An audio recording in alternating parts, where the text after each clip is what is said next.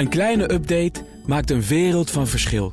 Daarom biedt IKEA voor Business Netwerk gratis snelle interieurtips en ideeën. Word gratis lid en laat je werkplek voor je werken. IKEA, een wereld aan ideeën. Boardroom Panel. Met de ondernemingskamer als decor krijgt de Sanderink-saga een nieuw hoofdstuk. Is het hierna echt over en sluiten voor de veelbesproken oprichter van IT-bedrijf Centric? En Lidl laat het laaghangende fruit voortaan op het zuidelijk halfrond hangen. Goedkope publiciteitsstunt of schiet de wereld er echt iets mee op? Dat en meer bespreek ik in het eh, Boardroom Panel. En daarin zitten Stefan Pij, directeur en oprichter van de Governance University... en Jeroen Verkouteren, specialist op het gebied van overnames en fusies... verbonden aan factor bedrijfsovernames. En zij zijn afgereisd naar de jaarbeurs voor het TBX event hier. Uh, welkom heren. Dank je. Maar de onderwerpen ja, die blijven zo ongeveer hetzelfde, namelijk Sanderink. De terugkeer van Gerard Sanderink in de top van Centric brengt zijn IT-bedrijf in gevaar. Zo oordeelt het Openbaar Ministerie. En de aanklager wil Sanderink vanmiddag laten schorsen. De ondernemingskamer moet uitspraak doen. Laten we het allereerst maar even hebben over die procedure. De ondernemingskamer die zich, en daar valt iets voor te zeggen... maar toch gaat bemoeien met hoe het er intern binnen een bedrijf aan toe gaat. Jeroen, is dat wenselijk? Um, ja, kijk, de ondernemerskamer is een soort uiterst redmiddel. En zeker het feit dat het Openbaar Ministerie dit heeft aangevraagd, dit onderzoek. Dit is iets wat ze volgens mij de afgelopen eeuw vijf keer of zo hebben gedaan. Echt, echt extreem weinig. Dat geeft wel aan dat ze er blijkbaar een maatschappelijk belang vinden. Nou, en dan ga je naar de ondernemingskamer, want die is degene die dit soort uh, acties kan doen. Dus inderdaad, uh, Sanderik als CEO, die is net benoemd zeg maar kant stellen. Ja, maar ze zeggen zelf ook bij het Openbaar Ministerie... dit doen wij echt in uh, uiterste nood. Dit doen we eigenlijk nooit, liever niet zelfs. Maar er is nu een maatschappelijk belang gediend. Want Centric heeft klanten waar wij als burgers van dit land... allemaal mee te maken hebben. Ja. Uh, Vereniging Nederlandse Gemeenten, de Nederlandse Bank. Is het dan wat jou betreft te rechtvaardigen of niet? Of is dit een gevaarlijk precedent? Ik denk dat dit wel een gevaarlijk precedent is. Want kijk, we zeggen nu tegen elkaar van... ja, het is omdat hij gemeentesklant heeft, uh, overheidsinstellingen, et cetera. Maar goed, wat houdt dan een, een OM tegen om de volgende keer... als het over terrorisme gaat of over andere zaken... om te zeggen, nou, dit is wel een maatschappelijk belang. Wij gaan de ondernemingskamer vragen... jongens, zet deze man bij het spel. Stefan, dat maatschappelijke belang, dat is er wel. Kijkende naar de klanten van Centric. Um, of past hier toch ook nog enige terughoudendheid van het Openbaar Ministerie, wat jou betreft? Nee, ik uh, denk dat het uh, Openbaar Ministerie misschien wel dit te weinig doet. Als je het aantal gevallen hoort wat Jeroen net uh, aanhaalt. ik denk dat ze dus heel weinig doen. En dat het Openbaar Ministerie hier ook een goede case heeft. En ik vind dit is eigenlijk het moment dat de rechterlijke macht vanmiddag de maatschappij mag gaan beschermen. Maar dat is interessant. Jij vindt eigenlijk dat dit veel vaker zou moeten kunnen. Ja.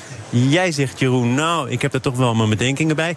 Noem eens een geval waarvan jij dan zegt, Stefan... nou, hier had ik eigenlijk toch ook wel een rol van het Openbaar Ministerie verwacht. Ja, er zijn wel in het verleden ook hele heftige cases geweest... die, uh, nou, ga, daar, daar, komen we misschien nog wel over te spreken. Uh, bijvoorbeeld, je moet iets duidelijker in de microfoon praten. Oh, ja. Het is hier op de beurs, hè? Ja, ja, veel mensen hieromheen. Heel veel publiek ook, dus dat is mooi.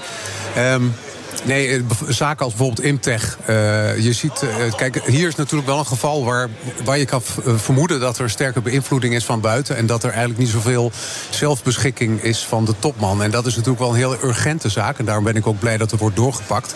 Maar je hebt in het verleden zaken die ook gewoon heel moeizaam zijn geweest. Waar het bestuur ook duidelijk onvoldoende actie heeft genomen. En waar uiteindelijk de Raad van Commissarissen, denk aan Grondmei, denk aan Imtech, heeft moeten ingrijpen. En ik zeg niet dat je op voorhand al dit heel snel moet gaan doen. Maar ik eh, vind wel dat de drempel heel hoog ligt. Want dit is al zo lang gaande. En de, de, dit bedrijf heeft best wel invloed op de continuïteit van hun klanten. met al die uh, ingewikkelde IT-projecten. Jeroen? Ja, nee, ik ben het daar niet mee eens. Kijk, eh, het is, zo, het is een hellend vlak. We gaan straks ook even over die ING hebben. met de overname van Payvision. Ga je dan zeggen, er wordt nu een witwasonderzoeker uh, wordt er uitgevoerd. Ga je dan zeggen, ja, nee, dat witwassen dat is een, geen maatschappelijk belang. Laten we dus inderdaad de CEO van de ING kan stellen, om het maar zachtjes te zeggen. Ja, ja kijk, weet je, eh, de, de, dat kan je dan als OM gaan uitvoeren. En vervolgens ga je dat soort zaken allemaal bij de ondernemingskamer brengen. En ik denk niet dat de ondernemingskamer daarvoor bedoeld is. Nu is het wel zo, Jeroen, dat uh, de inmiddels opgestapte bestuurders... ja, voor je het weet, dan mis je een bladzijde in dit steeds dikker wordende boek... eerdere pogingen hebben ondernomen om die hele kwestie rond Sanderink... Voor de ondernemingskamer te brengen. En toen waren er niet uitvoerende bestuursleden, allemaal kamp Sanderink... die dat hebben verhinderd. Op het moment dat er een impasse dreigt, en dat was toch aan de orde afgelopen zomer... is het dan goed dat er een instantie als het Openbaar Ministerie is dat zegt... nou luister eens, als jullie er zelf niet uitkomen... dan springen wij in. Ja, maar goed, dat hebben ze toen niet gedaan. Dat, eh, ze, Ze gaan doen dat het nu, doen. Omdat nu doen. eh, Sanderink weer benoemd is. Ja, daarom. Dus ze gaan nu wel eh, zaken uitvoeren. Maar ik denk ook wel, inderdaad, als je dan kijkt naar de situatie... als de bestuurders aangeven, luister eens, dit willen wij niet. We gaan naar een ondernemerskamer toe. De niet-uitvoerende bestuurders hebben, zeggen dan... nee, dat gaan we niet doen, er in passen kwam. Het zijn allemaal dan- vrienden van daarom, de goede exact. orde... die Ja, ook alweer voor een deel zijn vriendjes, opgetrokken. eh, politiek, et cetera. Ja. Nou, toen had inderdaad wel een, een tweede stap gemaakt kunnen worden. Want dan is het gewoon de bestuurders zelf die zeggen... de continuïteit van de onderneming is in gevaar. Ja, de gebruikelijke gang van zaken is dat er dus iemand naar de ondernemingskamer gaat... Ja, een enquête klopt. aanvraagt. En daarom komt het OM ook zo weinig bij de ondernemingskamer. Maar hier hebben ze het natuurlijk al heel lang laten gaan. Want er bungelen al heel lang veel bedrijven die vastzitten in projecten... waar Centric aan eh, eh, meewerkt, hè, die daar Ja. diensten verleent. En die kunnen niet weg, die snakken naar een oplossing. Maar Dus- bungelen die dan? Hoe weet jij dat? nou ja, de, de, de, als jij 40% gevorderd bent met een ingewikkeld IT-project... en, en mijn, mijn bedrijf is maar klein, maar bij ons is het al ingewikkeld... en bij grote bedrijven is het nog veel ingewikkelder... en dit soort projecten doen zij. Maar kun je dan nu al zeggen dat eh, Centric ook de dienstverlening niet meer kan waarmaken? Dat weet ik namelijk onvoldoende. Het gaat heel veel over met wie Sanderink ruzie heeft gemaakt... en eh, hoe belangrijk nu de invloed is van Rian van Rijbroek... en of die strijd met zijn ex nu al is afgerond. Maar wordt er ook niet meer geleverd? Hè? Ik lees iets over cijfers die tegenvallen... omdat er steeds meer interimmers moeten worden ingehuurd. Maar staat de dienstverlening ook onder druk? Ja, er zijn heel veel goede mensen weggegaan. Dat betekent dus dat het leiderschap een probleem is. Maar operationeel denk ik dat ze nog gewoon kunnen leveren. En dus moet er snel een oplossing komen. Nou, wellicht vanmiddag. Ja. Is het een oplossing als de Sanderink geschorst zou worden? Nou, ik denk dat het in ieder geval een, een begin van de oplossing is. En laat ik even heel duidelijk zijn. Hè. Dat het OM dit doet bij eh, eh, Centric vind ik een hele goede zaak. Want inderdaad, er was een impasse. Maar waar we het net over hadden, van ja, moet het OM dan vaker ingrijpen? Net wat je terecht ook zegt. Normaal is er een partij in de markt of in het bedrijf die eh, zo'n enquête kan aanvragen. Laat die de partij zijn. Ja. Niet het OM. Kijk, in dit uitzonderlijke geval is er niemand anders die een enquête kan aanvragen. Wordt al nog getorpedeerd door, Sen- eh, door eh, Sanderink en zijn vriendjes. Ja. Dan is het OM wel geschikt. Maar Ja. in andere gevallen zeg ik, blijf daar dan vanaf. Het zegt eigenlijk voldoende hoe erg het is. Hè? Ja, het feit dat er dus niemand een enquête heeft kunnen aanvragen... terwijl er wel degelijk Ja, eh, instanties, ondernemingsraad, noem maar op... bevoegd zijn. Nou, wordt Centric een, een beter bedrijf zonder Sanderink? Zie je meteen dan de verbetering intreden, denk je? Nou ja, het is onvermijdelijk dat hij vertrekt, dus ja. Want eh, eh, het vertrouwen is gewoon heel snel eh, verdwenen. En dit gaat gewoon uiteindelijk natuurlijk niet goed. Eh, het feit dat hij weer CEO is geworden, dat is natuurlijk zo fout als ik weet niet wat. Maar tegelijkertijd waren er ook heel veel vriendjes al in het bestuur van eh, eh, Centric. Dus het is niet zo met zijn vertrek dan vervolgens dat iedereen. Want hij blijft Nou, wat, wat aandeelhouder. maakt het inderdaad formeel uit? Hè? Ik kan me Ja. nog het interview herinneren met de twee inmiddels vertrokken bestuurders eh, van eh Centric in het FD. Die zeiden alles wat eh, speelt tussen Sanderink en Van Echten en Van Rijbroek. Dat is allemaal Ja. privé. En vervolgens bleek uit allerlei cijfers van Centric dat er beslag werd gelegd op de vermogens van Van Echten. Dat er wel degelijk via dat bedrijf, want daar gaat Klopt. deze zaak over, Exact. privéoorlogen Ja. werden uitgevochten. En toen was Sanderink geen CEO. Nee, maar hij was wel betrokken als bestuurder bij die onderneming. Dus in die zin, dat is het verschil. Kijk, als aandeelhouder ben je toch op afstand. Dan heb je een bestuur die dan vervolgens... En, Ja, normaal gesproken wel. Ja, Het nee, is, maar normaal het- wel. het- Kijk, het als is je wel een risico. hè. Ja, We zien bij klopt. eh, Elon Musk en Twitter wat, ja, wat dat een aandeelhouder kan doen. En eh, ik kan me voorstellen dat het straks nog een staartje krijgt in die zin. Dat het misschien net zo gaat als bij de DSB-bank... waar de extern toezichthouder de, de, de eigenaar gewoon... eh, nou ja, koud stelde. Hoe zeg je dat op zijn Nederlands? DNB en eh, Dirk Schering gaan. Nou, voordat we 10, 15 jaar teruggaan eh, naar het tweede onderdeel van dit panel. BNR Nieuwsradio. Zaken doen. Thomas van Zeil. Het boardroompanel is het gast. Stefan Pij van de Governance University en Jeroen Verkouteren van Factor Bedrijfsovernames. En we praten over de supermarkt Lidl. Maakte deze week bekend in Nederland te stoppen met het importeren van groente en fruit per vliegtuig. Vanaf eh, maart 2023 mogen aspergetips, sperziebonen en verse peulvruchten niet meer ingevlogen worden. Stefan, Ja. PR, eh, een goede zaak voor de planeet. Hoe oordeel jij hierover? Nou, ik zie het wel als een, uh, als een uh, symbolische stap. Het, het, uh, de impact is niet zo heel groot, maar ik vind het wel een belangrijke stap. ook al is het vooral symbolisch en niet materieel. Laten we het even over die impact hebben, want je ja. haalt het zelf aan. volgens de Europese importdata bedraagt het vliegtuigvervoer van groente en fruit minder dan 1% van het totale transport. Ja, dus, dus ik denk dat, dat zij aan hun stand verplicht zijn. Lidl wint veel prijzen met hun groente en fruit. Laat ze dan ook aan hun stand verplicht zijn om hier hier een van, de, een van de eerste te zijn die dit doen. Ik vind het wel bijzonder dat het zoveel aandacht krijgt. Want volgens mij is de, de impact van uh, vlees en zuivel 85 procent. En, uh, Ik wou net zeggen, als we over de plofkippen gaan praten. Precies, precies. En de supermarkten hebben superveel impact. Dus je kan het hebben over aspergetips. En je denkt, nou, we hebben ze het daarover. Maar uh, er is 45 miljard omzet. Er zijn vijf supermarkten die 80 procent van de markt hebben. Je wil het er eigenlijk niet over hebben. Nou, dank dat je naar Utrecht gekomen ja, bent voor ja, dit onderwerp. Ander onderwerp graag. Is het te veel eer voor Lidl? Ik denk dat het wel te veel eer is, ja. ja het is een mooie stunt, vind ik. Uh, PR is fantastisch natuurlijk om te zeggen van... ja, wij gaan het allemaal verzorgen. Wij zijn de eerste. Vervolgens heeft Plus volgens mij ook gezegd... ja, wij doen het eigenlijk alleen maar met groene asperges. De rest doen we allemaal al niet via het vliegtuig. Dus ja, dan denk ik ook van ja, groene asperges... hoeveel heb je er daarvan? Precies waar we het over hadden. Vlees, nou, uh, Lidl staat wel bekend als een prijsknaller met vlees ook. Ja, dat is natuurlijk ook niet echt heel erg nou, goed voor ik, ik kan me voorstellen, het gaat veel over supermarkten de afgelopen dagen. Over de commercials die ze op de televisie uitzenden. over wat er in de achtertuin van de oprichter gevonden is. Van Jumbo in dit geval. Maar het gaat ook over prijsverhogingen. Uh, veel mensen zijn toch uh, ja, ontevreden over het bonnetje dat ze meekrijgen na de boodschappen. Dat je denkt, nou wij komen eens met wat anders. En misschien dwingen wij onze concurrenten ook wel in de defensief. Want de Plus doet het, Lidl doet het. Nou, dan komen die andere twee vermoedelijk er ook wel over de brug, of niet? Ja, nee, ik denk ook wel absoluut. misschien wel wat uitmaken. Ja, kijk, natuurlijk tijdens de coronacrisis was het natuurlijk wel zo... dat de supermarkten hebben heel veel geld verdiend. Iedereen zag dat iedereen ging boodschappen daar doen. We gingen niet meer uit eten, dat kon niet meer. Vervolgens hebben die supermarkten gigantische winsten gedraaid. Nu zien ze dat die prij uh, ziet de consument dat de prijzen omhoog gaan. Dat is natuurlijk niet sowieso de, de, schuld van de supermarkt. Nee, die worden klem gezet door de leveranciers. Nou ja, maar dat is interessant, want de afgelopen jaren was het totaal andersom overigens. Maar goed. Klopt. Ja, nee, maar dat is dus leuk. Dus, dus je ziet nu dat de supermarkten uh, zitten waar de klappen vallen. In de hoek waar de klappen vallen.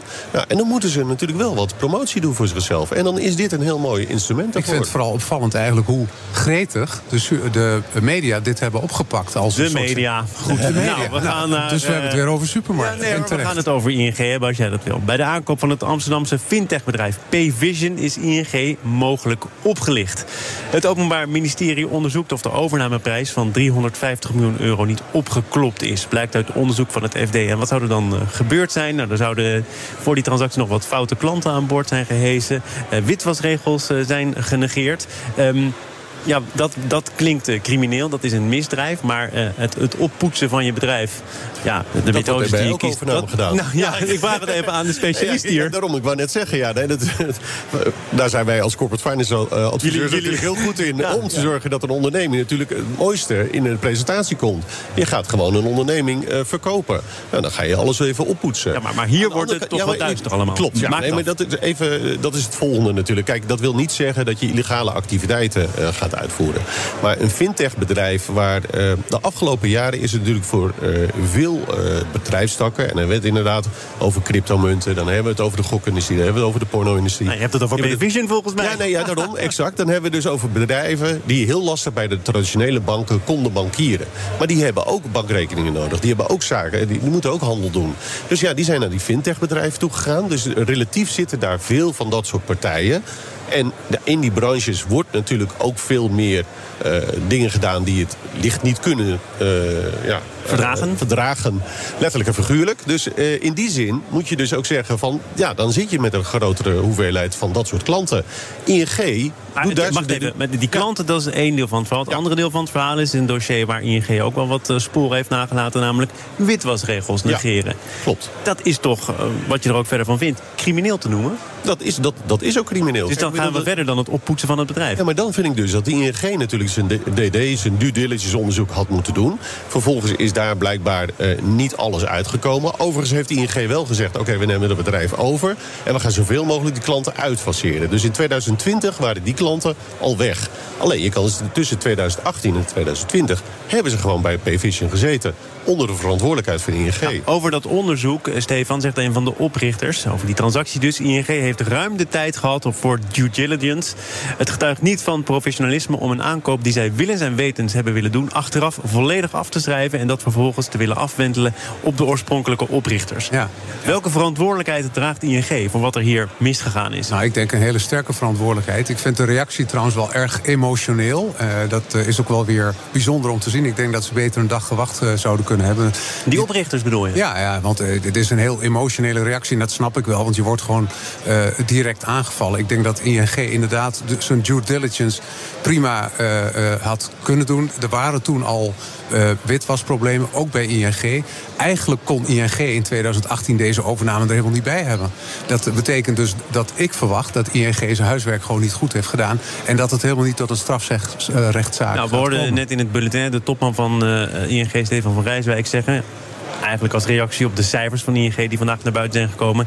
Uh, als je me vraagt of we het weer zouden doen, dan zou mijn antwoord zijn nee. Want nee. het heeft al wat ellende opgeleverd. Maar ze hadden dus toen ook al tot de conclusie kunnen komen... en niet alleen moeten komen, maar ook kunnen komen... dat het geen goed idee was. Ja, ik bedoel, hij, eh, dezezelfde CEO was toen uh, chef van de, het risicomanagement. En je kan risico managen wat je wil. Maar als je zo een due diligence doet en een overname... dan kun je inderdaad beter zeggen, dat had ik liever niet weer gedaan. Maar het gaat hier over die, die fintech-ontwikkelingen. Ja. Ze ja, zeggen zelf ook, wij moesten ja. toen... en dat is ING ook eigen, we moeten een digitale bank zijn. Wij zijn een koploper, we zijn een pionier. Je ziet Adyen, je ziet Molly, je denkt, ja, maar we moeten wel mee. Ja, maar dat, dat is het natuurlijk ook zo. Je hebt natuurlijk uh, golven in fusie- en overnameland. En in 2018 was fintech gewoon het modewoord. Net als SaaS-bedrijven, uh, MRR, noem het maar op. Het zijn modewoorden. En op dat moment moet je er gewoon op inspringen. En dan heeft de ING natuurlijk ook een beetje blind ge, gedacht. En gedacht van ja, weet je, dit is een mooi bedrijf. Kunnen het overnemen. 350 miljoen, ja, weet je, we verdienen toch miljarden. Laten we het doen. En we gaan ervoor. En vervolgens blijkt dus inderdaad dat zij een kat in de zak hebben gekocht. Ja. En te hebberig zijn geweest, blijkbaar ook. Ja, nou, ze ja, hebben gewoon hun hele risicoperceptie zo veranderd. Dat past helemaal niet bij een bank. En dat kun je natuurlijk achteraf heel makkelijk oordelen. Maar het was toch al zo dat uh, ING toen zelf al in de knel kwam met zijn witwasproblemen.